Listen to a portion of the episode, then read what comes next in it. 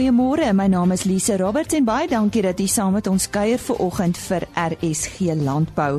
Ons fokus nogal op bewaringslandbou. Ons praat eers met die Instituut vir Graangewasse oor uh, rotasie en bewaringslandbou en effek wat dit op mieliekopvrot het. Dan praat ons ook met professor Johnny van die Berg van die Noordwes Universiteit oor uh, biodiversiteit en bewaringslandbou. Nico Groenewald van Standard Bank praat verder oor faktore wat landbou beïnvloed en feesviering en waardering is ook soms baie nodig in jou besigheid. Bly ingeskakel om meer daaroor uit te vind. Eers dan die woord vir oggend, Dr Belinda Janse van Rensburg. Sy is 'n plantpatoloog by die Instituut vir Graangewasse op Potchefstroom en sy verduidelik watter effek bewaringslandbou en rotasie op mieliekopvrot het. Baie dankie en goeiemôre. Man mieliekopvrot siektes soos Gibberella, Fusarium en Diplodia word grootliks beïnvloed deur die klimaat, grondvrugbaarheid, insekskade plantgenetika en ook landboukundige praktyke. Daar was die afgelope rukke verskywing na bewaringsboerdery met geen of minimum bewerking, stoppelbewaring en wisselbou. Die voordele van bewaringsboerdery is 'n vermindering in gronderosie, 'n verhoging in die waterinfiltrasie van die grond en dan ook die organiese materiaal wat verbeter in die grond. Ehm um, dit is ook veral in die boonste 50 mm van die grondprofiel. Nou as plantpatoloog waarsku ons altyd die produsente dat hierdie mieliekopvrot swamme op mieliereste in die winter kan oorleef en dan weer plante kan infekteer in die daaropvolgende groei seisoen. Nou die effek van bewaringsboerdery op kopvrotte en mikotoksine is nog nie voldoende onder Suid-Afrikaanse omstandighede geëvalueer nie. Ons het dus in 'n studie gekyk wat se invloed verskillende grondbewerkingspraktyke en gewasrotasie op mieliekopvrotte en hulle verwante mikotoksine mag hê. En daar was 'n proef in Buffelsvallei en dit is nou in die Noordwes provinsie wat oor 6 jaar gestrek het en ons het die volgende uh, bewerkings uh, toegepas. Daar was byvoorbeeld mielie monokultuur um, wat onder konvensionele bewerking was en ook 'n monokultuur um, met geen bewerking. Dan was daar 'n uh, geen bewerking waar daar die volgende rotasies was. Daar was 'n mielie akkerboon mielie rotasie 'n sonneblom, mielie sonneblom rotasie, 'n mielie babala akkerboom rotasie en dan laastens 'n sonneblom mielie babala rotasie. Ons het ook 'n erfdeel en dit is nou in die Vrystaat proef gehad wat ons oor 4 jaar gemonitor het, maar hier het ons die sonneblom rotasies uitgelaat. Ons het dan nou elke jaar mieliekoppe gaan versamel en geëvalueer ehm um, versigbare kopvrotte. Ehm um, en omdat Gibberella byvoorbeeld mikotoksine soos Zearalenone, die oxynevalenol en navalenol kan produseer en die Fusarium fumonisin kan produseer, het ons ook die mikotoksine in die graan gekwantifiseer. Ons het uit hierdie studie gesien dat die seisoen wel 'n groter effek op die kopvrotte en mikotoksine gehad het as die bewerkings uh, praktyk en die rotasiesisteme. Ehm um, Gibberella en Diplodia kopvrot was dan nou byvoorbeeld hoër, maar net in die 2010-11 seisoen. En dan slegs die oxynevalenol en fumonisine was gekwantifiseer in die milligram. Die oxynevalenol was baie laag, maar ons het wel gesien dat die fumonisine vlakke hoog was in die geenbewerking mielie sonneblomrotasie in Buffelsvallei gedurende die 2010-11 seisoen. Nou die voordeel van hierdie studie is dat ons kon bewys dat geen of minimum bewerking sou met gewasrotasies in erfdeel en Buffelsvallei nie tot 'n toename in mieliekopvrot infeksies en mikotoksien besmetting van die graan gelei het nie. Van die Instituut vir Graangewasse. Sy is 'n plantpatoloog, Dr Belinda Janse van Rensburg. Ons het maandagooggend met Nico Groenewald gesels. Hy is hoof van agri besigheid by Standard Bank. Hy praat in die algemeen oor die landbousektor en vanoggend fokus hy juis verder op faktore wat 'n invloed op hierdie sektor het. Ek dink uh um seker van die van die mees belangrike goed en ons het vroeër dalk daar aan vinnig geraak die hele aspek rondom uh, klimaatsverandering of uh uh en hoe dit landbou uh, produksie uh en ook dan nou uh die die verbruik van voedsel uh, kan, kan affekteer. Ek dink as hier in die Golf van Mexiko byvoorbeeld is daar uh, ding wat hulle nou so dooie kol noem wat uh, as 'n gevolg is spesifiek van landbou aktiwiteite uh, wat dit die klimaat affekteer. Uh, so landbou speel 'n rol, 'n bydraende rol tot klimaatsverandering, maar dit is ook seker die grootste uh as die eerste ontvanger van uh, uh, van van klimaatsverandering opsigte van hoe ons moet produseer. In Suid-Afrika kan ons maar net byvoorbeeld kyk wat nou vas in ons geheue is, is byvoorbeeld uh die impak van van 'n droogte in in uh in Weskaap en dan nou ook uh die onlangse droogte die so twee jaar terug wat ons in somersaai gebiede gehad het en hoe dit ons affekteer. Nou kan 'n mens ook sê droogtes is 'n natuurlike verskynsel oor die eeue heen, maar ek dink uh, wat al hoe meer uh, prominent raak is is die intensiteit en die frekwensie van wat hierdie natuurverskynsels uh, teweegbring en hoe mense dan gaan reageer as 'n produsent in opsigte van dit. So watter bydrae kan Standard Bank lewer om hierdie sektor met hierdie uitdagings by te staan? Goed, ek het dan net oor oor oor oor klimaatsverandering uh, gesels. Ek meen dan het dan nog uh, verskeie ander goed soos jy weet uh, die die tegnologiese verandering of die sogenaamde vierde industriële revolusie ten opsigte van hoe die tegnologie teen 'n ongelooflike tempo vorentoe gaan. Uh en dan die hele aspek oor hernubare energie, die uitdagings oor energie op die plaas en hoe ons aan energie moet hanteer. Ander goed soos byvoorbeeld ons handelsooreenkomste in die, in die omgewing waar binne handel plaasvind vir 'n bepaalde bedryf en dan praat ek nou van van van globale handel en hoe 'n bedryf in in Suid-Afrika dan nou daarbey inskakel. En dink die rol wat 'n bank byvoorbeeld kan speel is om seker te maak dat ons eh uh, uh, uh, produsente ondersteun in in in hulle finansiële beplanning dat ons uh, ons uh, op hoogte hou en dan ook ons kennis deel met produsente ten opsigte van tendense wat ons optel en die impak wat dit moontlik op op bedrywe kan hê en dan nou saam met 'n produsent sit en dan nou uh, die nodige uh, vooruitskattings en beplanning doen uh ten einde so veel as moontlik van hierdie risiko's wat hierdie nuwe in uh wêreld waar binne ons funksioneer uh teweegbring te kan hoofbied. Kos gesels oor waterbeskikbaarheid nou blykbaar is dit een van die grootste beperkende faktore vir groei in die landbousektor. Brei bietjie vir ons uit. Wel ek ek ek dink weer eens kan ons dalk nou, nou, wat ons vas in ons geheue is weer die Weskaap gebruik as 'n voorbeeld en die potensiële impak wat dit kan hê op landbouproduksie. Nou mense moet in ag neem dat landbou uh, meer as 60% uh, van die water in Suid-Afrika gebruik en dan sê ou dit nou binne die konteks van Suid-Afrika wat uh, wat eintlik 'n droë land is. Uh, ons uh, reënval gemiddeld is, is amper die helfte dit wat die, die wêreld gemiddeld is. So die manier hoe ons met water omgang en ons sit met 'n groeiende uh, bevolking en 'n bevolking wat verstedelik wat van selfsprekend vanuit uit daai uh, kant af uh, druk gaan plaas op waterbeskikbaarheid en waterbronne.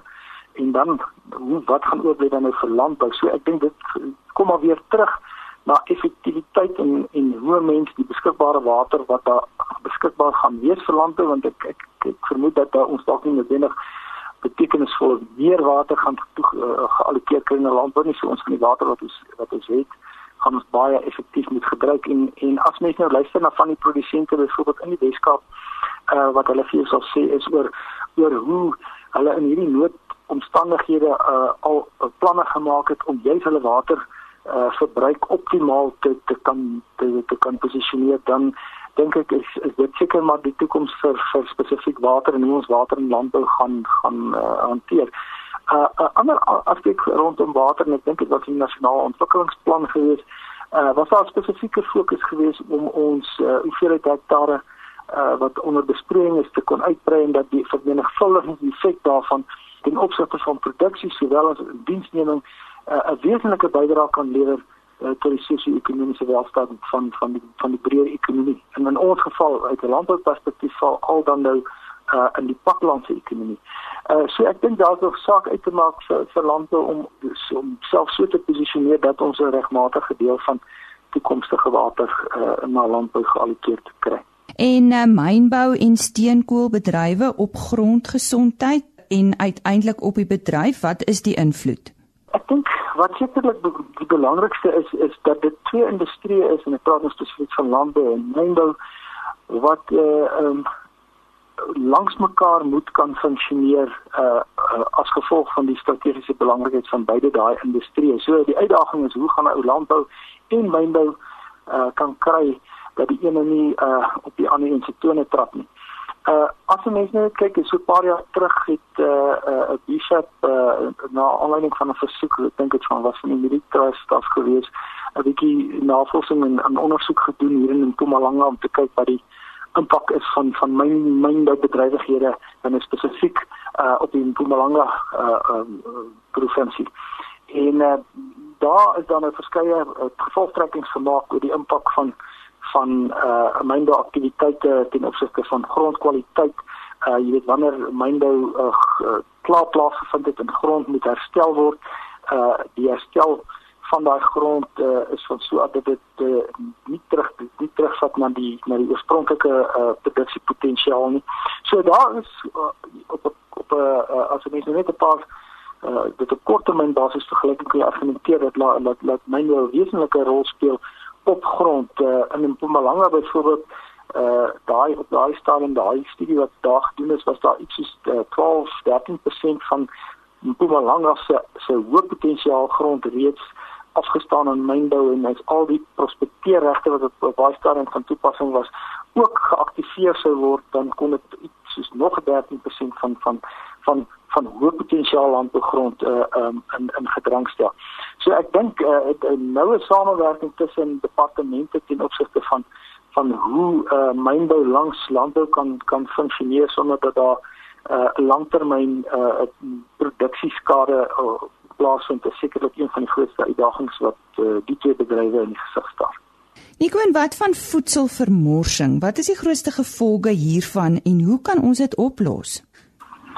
Jong voedselvermorsing is 'n is 'n is 'n redelike 'n uh, uh, groot uh, onderwerp. Ek dink uh, die die World Wildlife Fund hulle het so 'n uh, opname gemaak en hulle hulle afgeneem dat uh, afgeneem dat ons in Suid-Afrika om by 10 miljoen ton uh, voedsel vermors wat uh, van die 31 32 miljoen ton voedsel wat geproduseer word. So dis 'n dis 'n redelike groot hoeveelheid in in daai uh vermorsing vind plaas nou maar hoofsaaklik in jou bederfbare produkte soos vrugte en en groente wat wat die grootste gedeelte uitmaak hier om by 25% daarvan word vermors. En dan die ander gedeelte wat hulle nou ook uh uh uh, uh aannames wat hulle of of kwetsluite uh, wat hulle in hulle studies doen gekry het is is om te sê dat ongeveer 50% van hierdie vermorsing vind plaas in die sogenaamde post-harvest of net daar waar ons nou klaar ges, ge, geoes het uh, plaas. Dit is nou nog basies op plaasvlak uh beskadiging en dan nou hoe die goed dan nou geberg word en dan nou daarna uh, uh uitgaan vir verpakking die tipe van goed. So ek dink uh as ons daai uitdagings uh, beter kan bestuur uh en dan ook uh um die verbruikers se se se se se hoe hy na na groente en vrugte kyk byvoorbeeld uh om te kyk na goed wat nie 100% reg gevorm is nie. Ek dink daar's ook 'n geleentheid daarin. Uh dan kan mense 'n uh, groot hoeveelheid uh, voedsel uh, uh spaar um, en terug in die stelsel inkry wat op hierdie stadium ongelukkig vermors raak. Ons gesels môreoggend verder met Nico Groenewald, hoof van Agri Besigheid by Standard Bank oor uitdagings wat die landbousektor ervaar. Nou eers aan die woord Henny Maas. Ons uh, gesels nou met Pieter Du Plessis van Action Coach en ons gaan 'n bietjie praat oor feesviering en waardering. Dis 'n interessante begrip. Uh, wat behels hierdie beginsel van waardering en feesviering? Hey nee, hallo daar. Yes, die uh beginsel van feesviering en waardering is juis in 'n omgewing van ons veranderende omstandighede en uh faktore wat jy nie kan beheer nie. Kry jy dikwels dat 'n besigheidseienaar uh frustreerd of selfs moedeloos kan word. En uh, wanneer jy hierdie beginsel toepas, is dit eenvoudig dat jy gefokus is daarop om redes te soek uh om uh verskonings of redes te kry om waardering te toon en om fees te vier. Dis 'n uh, instelling wat jy aankweek ten spyte van die uitdagings net om proaktief redes te soek vir waardering en redes te soek om iets te vier. Nou hoe kan mense hierdie viering uh, meer gereeld doen? Viering uh, meer, om dit meer gereeld te doen is is uh, wanneer jy ingestel raak, is dit interessant dat uh, dit waarop jy fokus, jy meer van dit aantrek in jou lewe. Dit is 'n dit is 'n universele beginsel en hoe wat dit behels is uh, wanneer jy byvoorbeeld as jy kom ons neem 'n voorbeeld, as jy onlangs 'n uh, nuwe voertuig wou gekoop het of toe jy die laaste keer wat jy 'n nuwe voertuig aangeskaf het, wat gebeur as jy in die strate rondry? Oral waar jy gaan, sien jy die voertuig, dieselfde kleur, dieselfde model, So die, die was die voertuie nog altyd in die omgewing gewees? Natuurlik, maar dit is dit waarop jy fokus uh, is asof dit na jou toe aangetrek word. Soortgelyk met hierdie, hoe meer jy in jou besigheid in jou lewe redes soek om fees te vier, redes soek om dinge te waardeer, hoe meer sal jy vind dat dit meer gereeld oor jou pad kom en uh, 'n uh, positiewe wending neem soos ek genoem het ten spyte of te midde van die uitdagings wat daar is. So is eintlik 'n kopskuif wat jy moet doen, né, nee, so dit kan in besigheid baie goed werk. Definitief, dis uh, jy en op beide jou uh, punte wat jy noem, dit is 'n kopskuif vir 'n begin en dan sal jy verbaas wees sou hoe dit uitspeel in jou besigheid spesifiek. Nou, nou praat ons met boere, produsente. Dikwels is goed soos die weer nie in jou beheer nie. Hoe leef jy daar verby? Dis juis in omstandighede soos uh met produsente waar jy nie omstandighede kan beheer nie in jou wêreld van risikobestuur. Inteendeel kan baie besigheidseienaars in, in buite die produsentomgewing baie leer by produsente. Want wat gebeur met 'n boer of met 'n produsent is dikwels dat jy gekoppel is aan jou grond. So wanneer die weer nie saamspeel nie of wanneer oor 'n seisoen dinge nie uitwerk soos beplan nie, het jy nie eintlik 'n keuse as om vas te byt en deur te druk en aan te gaan nie terwyl dit volgens 'n gewone besigheid is dit makliker om jou deure toe te maak en iets anders te begin want uh, jy is nie gekoppel aan jou grond nie. So ek dink uh, gewone besigheidseienaars kan dikwels baie leer by uh, uh boere of in die produsent omgewing van wat betref vasbyt en moed skep en van vooraf uh weer vasvat wanneer daar uitdagings oor jou pad kom. In die oggend as jy opstaan, dan moet 'n mens eintlik vir jouself sê jy gaan vir die dinge soek wat positief is. Nee, nee, heeltemal korrek en ek weet dit is makliker gesê as gedaan met al die dinge wat aan die gang is of aan die gebeur is wat uh, buite ons beheer is en wat onsekerheid oor die toekoms los. Maar deel van die deel van die gedagte of van die beginsel is die dag van môre is verseker onvoorspelbaar en ons is dikwels so geneig om op die toekoms te fokus en dit waaraan ons bou of waarna ons uitsien of dit waaroor ons frustreerd is of wat ons besorgd is oor ons pad gaan kom dat ons die dag van vandag mis. So jou geliefdes, jou mense, jou jou reis na sukses of jou reis na deurbraak, jy maak seker jy maak die beste van die reis ook en jy's nie net op pad iewers heen nie. En uh, ons is geneig om dan in daai proses uh, lekker beswaar te kan raak, maar Maar wat kan jy vandag doen om 'n bietjie iets te vier en 'n bietjie dankbaar te wees dat jy ehm um, nie gister gedoen het nie, net om seker te maak jy maak die beste van die dag wat voor jou is oor die dinge waaroor jy wel beheer het. Nou as jy mens teleurstelling het, hoe kom 'n mens nou terug? Hoe bons 'n mens terug? Ja, uh, Henny soos ek nou net genoem het, dis een area waar ons baie kan leer by produsente of by die boerdery gemeenskap. En uh dit is uh, ook sluit aan by wat jy gesê het, dis 'n kopskuif en uh as so minder opsies jy het, hoe meer uh verplig is jy om jouself uh, bymekaar te kry en weer vas te vat van 'n kant af. Uh hoe meer opsies jy het, hoe sterker moet jou kopskuif soms wees, maar ons het al in die verlede baie dinge oorkom en uh ons sal die volgende ronde ook oorkom wat ook al jou uitdagings is van vandag of van môre. En uh so ek sou sê kom ons byt vas en druk deur. En hoe maak jy om hierdie beginsels na jou jou werkers deur te laat filter? Uh, om deur te filter na jou werknemers toe is belangrik dat jy as eienaar van jou besigheid self ook die waarde plaas op hierdie beginsel. Want wat jy vind maar in besigheid is dat indien jy as die, die eienaar en die stuur van die besigheid sterk voel oor iets, dan sal dit deurspoel na die kultuur van die besigheid. En uh, dieselfde met ehm um, as jy nie sterk voel oor iets nie, gaan dit uiteraard ook nie deurspoel nie. So jy begin by jouself, jy plaas 'n waarde daarop en dan kry 'n paar van jou sleutelpersone wat dalk saam met jou kan uh aan 'n paar idees dink, sit dit op skrif, sit dit op die kalender as dit afhanklik is van sekere mylpale wat jy wil bereik en dan iets vier of dan iets uitsonder. Uh, sit dit in die kalender en maak seker jy voer deur. Moet ek net iets begin met jou werknemers wat jy nie kan deurvoer of dalk nie gaan deurvoer nie want as jy eers verwagtinge geskep het, is dit moeilik om dit om te draai. En uh, maar ja, as jy as eienaar die waarde daar plaas en 'n en 'n besluit neem om om dit te implementeer en deur te voer, dan trek dit uiteraard deur na jou werknemers toe. En uh, die die klompie bedrywe en persoonlikheidstipes wat jy mee werk, hulle benader dit seker almal verskillend, nê? Nee? Ja, Henny, dis 'n dis 'n interessante vraag. As jy byvoorbeeld dink aan iemand wat jy ken wat 'n grafiese ontwerper is teenoor iemand wat 'n verkoopspersoon is of iemand wat 'n rekenmeester is. Daar's baie uiteenlopende persoonlikhede wat almal in besigheid staan en verskillende maniere het van uitdrukking gee aan iets soos hierdie beginsel om fees te vier, om waardering te toon. Die die positiewe of die goeie gedagte uh binne hierdie beginsel is dat daar genoeg opsies is en daar's genoeg uh maniere van dit uitleef per persoonlikheid. Elke persoonlikheid indien hy 'n waarde plaas op dit kan volgens sy persoonlikheid en die kultuur wat hy in sy besigheid skep of het uh hierdie beginsel ten volle uitleef sonder om uh bedreig te voel dat hulle iets moet doen of wees wat hulle nie is nie. So vir elke persoonlikheid, uh, party is meer uit vol uitdrukking en party is meer uh introvert, maar daar's genoeg geleentheid vir almal om die beste te maak en die voordeel te ervaar van hierdie beginsels in hulle besigheid veral saam met die span ook. Ons sê baie dankie aan Pieter Du Plessis van Action Coach. Nou ja, dis iets om oor na te dink. Baie dankie en dit was dan die stem daarvan Henny Maas. Die Ottosdal Noutel op geen bewerkingsklub het onlangs sy jaarlikse bewaringslandbou-konferensie gehad.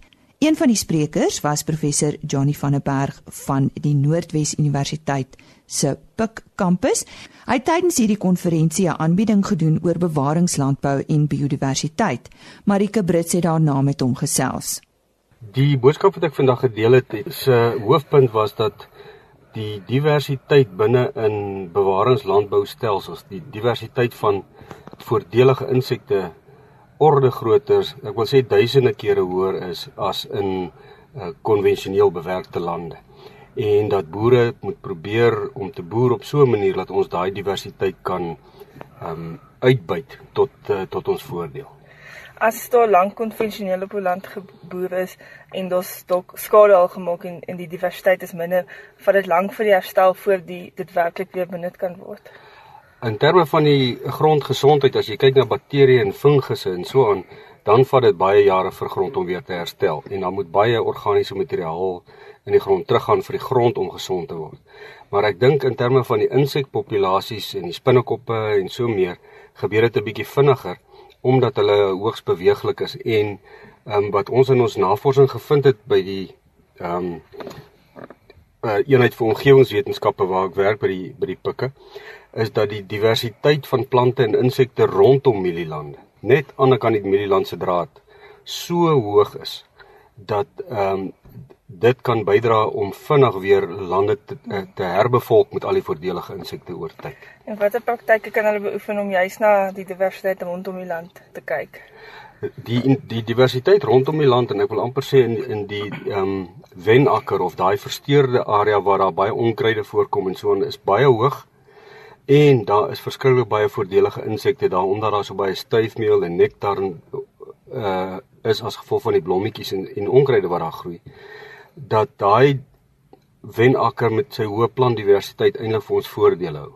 Met ander woorde om daai wenakkers om te ploeg of um op 'n manier om dit, dit brand van tyd tot tyd af, dit is vir ons baie nadelig. So een van die um uitkomste wat ons al graag wil sien is om daai spesifiek daai stukkie langs die landerye nie nie te bewerk of te brand of so nie. Ehm um, jy het 'n paar voorbeelde genoem van van voordelige insekte wat wat plaagbeheer mee help. Um, jy kan dalk meer daaroor vertel. Ja, daar is verskriklik baie vo voordelige insekte wat met plaagbeheer kan help. En ons noem dit ekostelseldienste wat hulle verskaf. So hulle party insekte doen bestuiving en dis 'n ekostelseldiens. Ander vreet al die nadelige plaag op en dit is ook 'n ekostelseldiens. Nou, ehm um, jy weet uh spinnekoppe en ehm um, liewenheer besies of ladybirds is van die baie belangrike predatore wat daar in die lande voorkom en oorkruipers ook natuurlik. Nou as 'n mens in gedagte, jy weet, ons sien 'n ladybird hier en daar en ons dink hy eet nou maar ietsie, maar as 'n mens in gedagte hou dat 'n ladybird tussen 70 en 100 luise per dag moet eet oor sy lewensyd van 3-4 weke. Dan kan 'n mens dink as daar 'n paar duisend ladybirds in 'n land is en daar is soveel, dan eh, eet hulle miljoene plantluise op op oor 'n tyd en dit bring plaaggetalle al af van myte, van luise. Hulle eet ook die eiers van motte wat ehm um, pla is en so meer. En om af te sluit is daar enige praktyke in byvoorbeeld konvensionele boerdery wat, wat jy dink ehm um, daar dringend wegbeweeg moet van word? Ja, ek is nou nie 'n agronoom nie, maar uh een van die praktyke in konvensionele landbou wat ek dink ehm um, skadelik is is dat ek uh dat ons som geneig is om te vinnig na insekdoder toedienings te gryp as ons insekpla waarneem. En en ek wil tog vir boere maan om nie eers te dink aan insekdoders nie. Ehm uh, daar's die beginsel van ekonomiese drempelwaardes. 'n Mens spuit nie met die eerste sien van 'n insek nie en dikwels is dit nie eers 'n plaag nie. En en en op daai manier verloor ons ook baie geld. So dis onekonomies om te vinnig te spuit en die beskadig ook die natuurlike vyande waarvan ek nou net gepraat het. Marika Brits was daar in gesprek met professor Johnny van der Berg van die Noordwes Universiteit se Pik kampus. Hy was onlangs een van die sprekers by die Ottosdal Geen Bewerkingsklub of No-Till Klub. Ons groet dan tot môreoggend. Totsiens. RSG Landbou is 'n produksie van Plaas Media. Produksieregisseur Henny Maas. Aanbieding Lisa Roberts en inhoudskoördineerder Jolandi Root.